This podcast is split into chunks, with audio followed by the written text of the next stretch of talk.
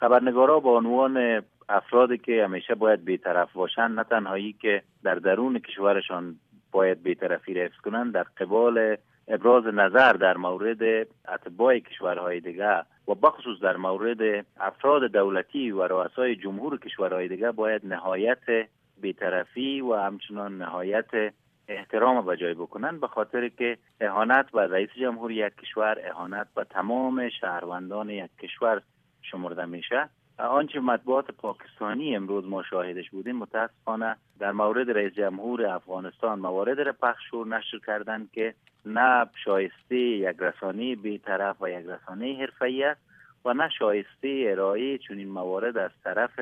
یک خبرنگار بیطرف و حرفه‌ای. اونا باید به صورت رسمی و به صورت رسانه‌ای این موارد را دوباره اما مؤاخذه یا پوزش خواهیش را انجام بده